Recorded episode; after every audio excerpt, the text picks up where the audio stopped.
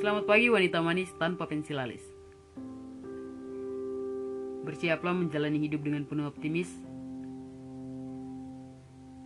Jangan lupa ditemani segelas teh manis agar siap menyelesaikan pekerjaan yang berbaris. Hei, kau sudah bangun? Bagaimana kau tidur semalam? Oh iya, semangat ya buat pekerjaanmu hari ini. Selalu berdoa biar di setiap pekerjaan yang kau lakukan bisa jadi berkat buat orang lain.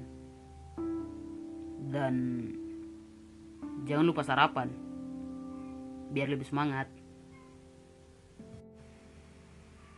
Seperti kata pepatah, hari kemarin adalah sejarah.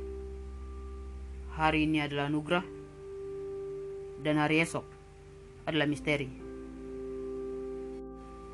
So, tidak bisa merubah sejarah. Tapi, saya akan berusaha jauh lebih baik hari ini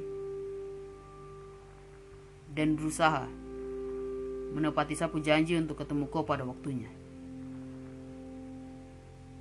Dan ketika itu semua sudah terjadi, sudah tidak ada lagi kata sa atau ko lagi.